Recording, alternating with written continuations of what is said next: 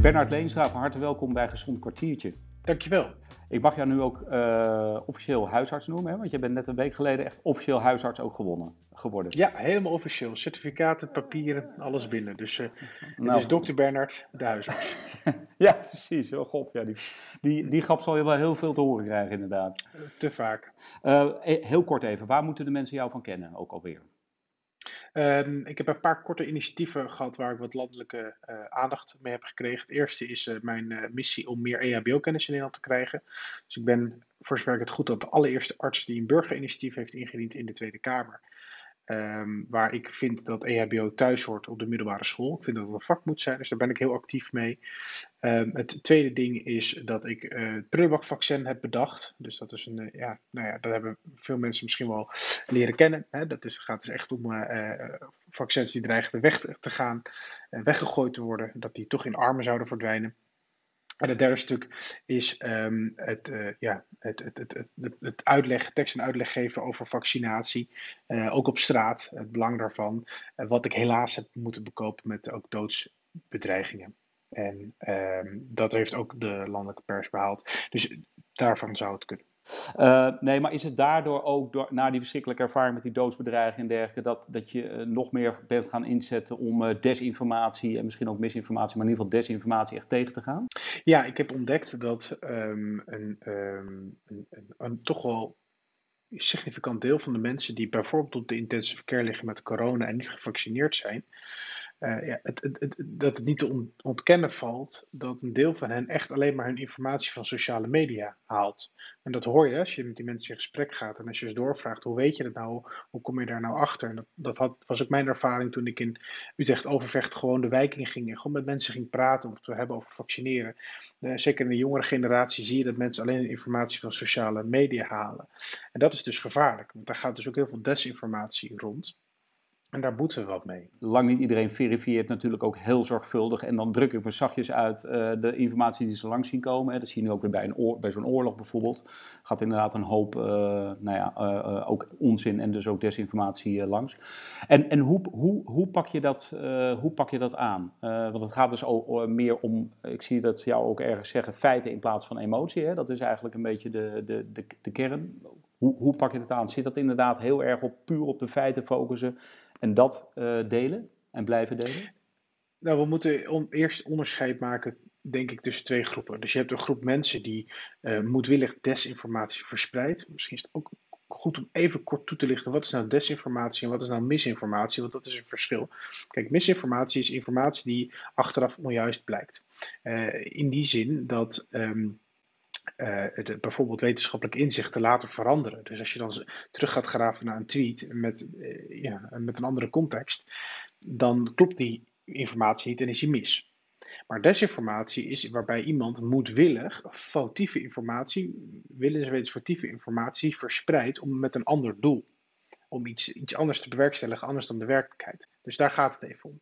De mensen die desinformatie verspreiden, die zijn er dus mee bezig. Ja, die, die krijg je inderdaad niet meer overtuigd met feiten, want voor hen doen feiten er niet toe. Die hebben een, een soort alternatieve werkelijkheid, die willen ze verkopen.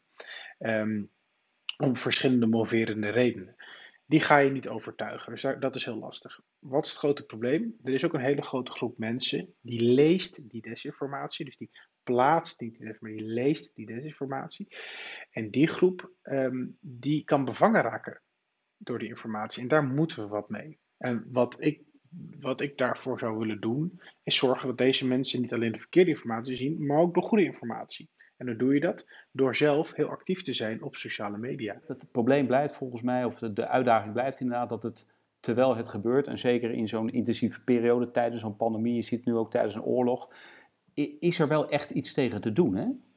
Ik heb niet de illusie dat je, dat je desinformatie kan uitbannen. Dit is iets waar de, wat de Grieken al toepasten. Het is iets wat in de Tweede Wereldoorlog al heel erg vaak voorkwam. Um, dus ik denk dat dat van alle tijden is. Wat wel nieuw is, is dat een, een social media platform er is waar desinformatie verspreid kan worden.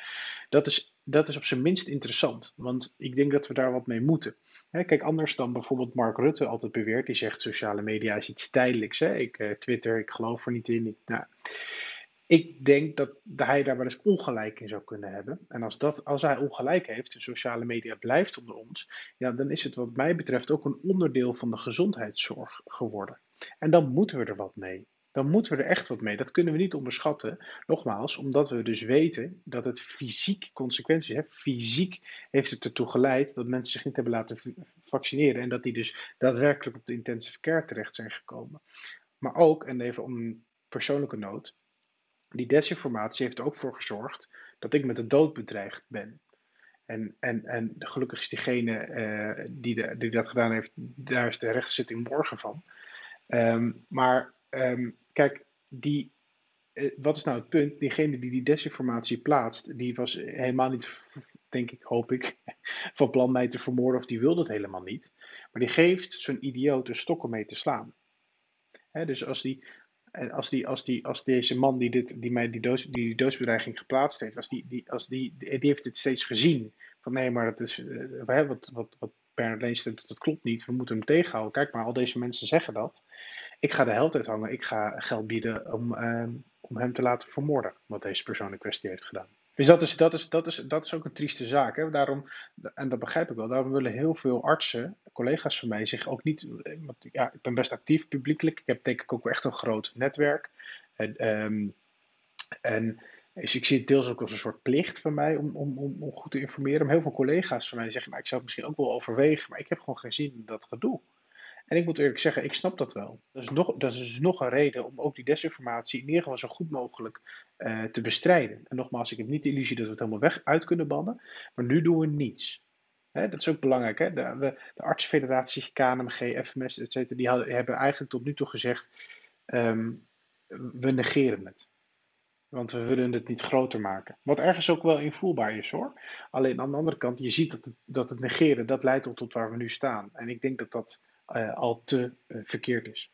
Want je ziet natuurlijk in de oorlog is dat nu ook weer een enorm sterk fenomeen. Daar is dat natuurlijk nog van, van, van veel grotere omvang. Uh, tenminste, het is misschien net zo groot omvang, maar de impact daarvan is natuurlijk ook gigantisch.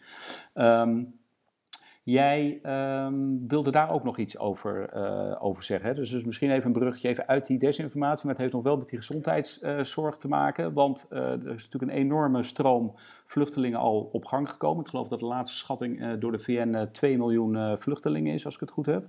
Um, jij zegt daar moeten we ons ook op voorbereiden in de gezondheidszorg in Nederland. Ja, ja, en wat een beetje de parallel is, denk ik, ook waar we het net over hadden, is dat ik, ik ben um, uh, huisarts en ik vind het prachtig om met patiënten bezig te zijn. Daar geniet ik echt van elke dag dat ik uh, spreekuur heb. Maar ik zie mijzelf ook een beetje als een uh, dokter voor de maatschappij, vind ik ook heel interessant. Hè? Om op maatschappelijke thema's mee bezig te zijn en de gezondheidszorg op een maatschappelijke niveau voor de gehele samenleving te verbeteren. Dus dat heeft een beetje verband met alle initiatieven die ik doe, zoals het puddelbakvaccin, het bestrijden van desinformatie, maar nu ook om het bruggetje compleet te maken met dat ik denk dat we een uh, mogelijk een best wel zware crisis tegemoet gaan met het aantal uh, vluchtelingen uit Oekraïne wat naar Nederland komt. Wat je terecht zei, hè, de UNHCR die zei ja, nu al 2 miljoen vluchtelingen. Er gaan schattingen dat dat zelfs 4 miljoen vluchtelingen zou kunnen worden. Nou ja, als we, als we daar heel even bij kort, kort bij stilstaan, wat zou dat voor Nederland betekenen? Een paar dingen. Um, stel dat we, laten we zeggen, 100.000 100.000 mensen van die, van die 2 miljoen of van die 4 miljoen opvangen. Dat is een hele kleine fractie. Als je het onder de rijke Europese landen zou verdelen, dan is dat echt een hele kleine fractie. Dus daar ben ik denk ik nog heel voorzichtig. Maar laten we van dat getal uitgaan, 100.000. Um, in 2015, toen was het andere piekjaar uh, van vluchtelingen, toen hebben we 60.000 vluchtelingen in zeven maanden tijd opgevangen. Dus dat is iets, iets meer dan de helft van die 100.000. Wat is het grote verschil? Twee dingen. Namelijk, één, dit zijn geen asielzoekers, want mensen uit Oekraïne, die, daar hebben we een associatieverdrag mee. Die hebben dezelfde rechten, plichten als een Spanjaard of een Belg. Die mogen hier uh, uh, tenminste 90 dagen verblijven, maar ik begreep dat er een voorstel ligt dat dat zelfs langer mag. Die kunnen dus gewoon naar de huisarts toe. Dat is één groot verschil met 2015. Het tweede grote verschil met 2015 is dat de eerste lijn zorg, dus ook de huisartsenzorg, die is helemaal overbelast. Dus we, we, we hebben veel minder huisartsen beschikbaar, al, alleen al voor onze eigen inwoners. Ja. Kortom, en Door corona ook bedoel je? Of? Of ook door de uitval, Ja. uitval van Ja. inhaalzorg, waar we toch nog mee te maken hebben, oververmoeidheid bij mijn collega's. En gewoon simpelweg dat heel veel zorg vanuit het ziekenhuis is in de afgelopen jaren steeds meer naar de huisarts toe gegaan. Een ontwikkeling waar ik wel achter sta, kan ik me ook wel in vinden, maar het betekent dat je per eh, of dat een huisarts ehm, minder patiënten in zijn praktijk kan hebben, omdat je per patiënt veel meer moet doen. Nou, tel daar dan nog even 100.000 vluchtelingen bij op. dat, moeten we managen. Dus ik ben met allerlei initiatieven bezig om dat ehm, eh, te managen. Ja, wat goed, wat goed. En, en, ja, en inderdaad, dan moet je tussen haakjes hopen. Eh, nou, jij ging al uit dan van eh, die 100.000, baseerde je al op de 4 miljoen, zei je? Ik, die 100.000 is natuurlijk Nee. fictief Ja, getal, die is sowieso fictief, precies. Maar, maar, maar, maar dat kan ook 200.000 zijn. Ja, dan is de ramp nog groter. En ik wil alleen maar laten zien dat 100.000 best realistisch is. Als je zegt, nou, we zien nu al 2 miljoen vluchtelingen. Eh, ja, Polen heeft daar geen ruimte voor. Dus wat ik daarmee wil doen, is, ehm, ik heb een site opgericht, of met collega's met wie ik ook prullenbakvaccin heb gedaan, huisartsvoorvluchteling.nl, waarbij huisartsen die zeggen, nou, ik heb toch nog een gaatje ergens in mijn spreekuur, ik, ik, ik kan best een, een consult doen met een vluchteling uit Oekraïne. Die kan zich aanmelden op die website. En eh, dat, die website doen we ook helemaal in het Oekraïens. En dus een vluchteling uit Oekraïne die kan dan zien, oké, waar is mijn dichtstbijzijnde huisarts, waar ik in ieder geval terecht kan. En zo verdelen we de last. Want er zijn veel meer huisartsen beschikbaar binnen de Randstad dan in de randgemeentes, waar juist helemaal drastisch huisartsentekort is. Dus het is wel goed dat dat inzichtelijk wordt. Nou, die website is in de maak. We gaan nog niet live, want we wachten echt wel totdat echt dat nodig is. Maar ik ben er wel al mee bezig. Wat goed zeg. Ja, want ik zat nog net even te bedenken, heel kort daar nog even over, dat de eerste, dat las ik ook nog, de, de, de eerste stroom vluchtelingen, dat zijn natuurlijk, dat zijn veel mensen geweest die nog contacten hadden in buurlanden, hè, familie hadden en dergelijke, en misschien ook iets meer eh, middelen hadden. Hè. Die hadden een auto en die konden het land wat makkelijker uit. Dus als die oorlog nog wat langer eh, gaat duren, nou misschien heel langzaam wat openingen, maar ja, dat is natuurlijk, eh, dat kan niemand voorspellen. Dus laten we hopen dat het snel over is. Maar als die langer gaat duren, dan krijg je natuurlijk nog veel meer vluchtelingen en dan krijg je ook die mensen die, eh, die het waarschijnlijk nog veel slechter hebben. Ik bedoel, ze hebben het allemaal verschrikkelijk slecht, maar dat wordt misschien nog wel een grotere uitdaging dan. Precies, en ik wil daar graag op, op, voorbereid zijn. En ons niet laten overvallen dat we dit, zeggen, oh, dit, dit hebben we niet geweten dat het op ons afkomt. Eh, Ik denk dat je beter nu kan opschalen of alles alvast kan nadenken over initiatieven. Hoe gaan we dit managen? En als blijkt dat er over een maand maar 20.000 vluchtelingen zijn, dat het daarbij gebleven is, nou dan haal je zo'n website weer uit de lucht. Weet je, daar heb ik geen moeite mee. Prullenbakvaccin is nu ook klaar. Daar heb ik ook geen moeite mee. Ik ben hartstikke trots op dat dat gelukt is. Maar je moet wel van tevoren daarop anticiperen.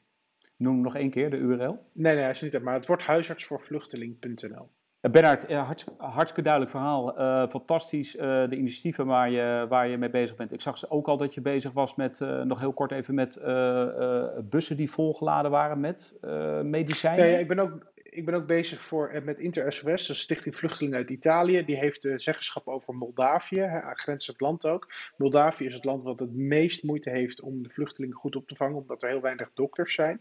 Dus ze Ja. hebben mij gevraagd of ik een delegatie artsen eh, naar Moldavië kan krijgen. En ik heb ontzettend veel artsen die zich eh, hebben aangemeld bij mij uit Nederland, die daar naartoe willen. Dus ik hoop in de week van 21 maart een missie op te kunnen zetten dat, eh, dat we daar naartoe gaan. Goh, wat goed zeg. Nou, je bent echt op, op, op alle facetten, met alle facetten ben je bezig. Hey, dank voor je heldere toelichting. Succes met alle initiatieven en ehm, nou, tot, tot snel wellicht. Hartstikke goed, dankjewel. Dank je Bernard.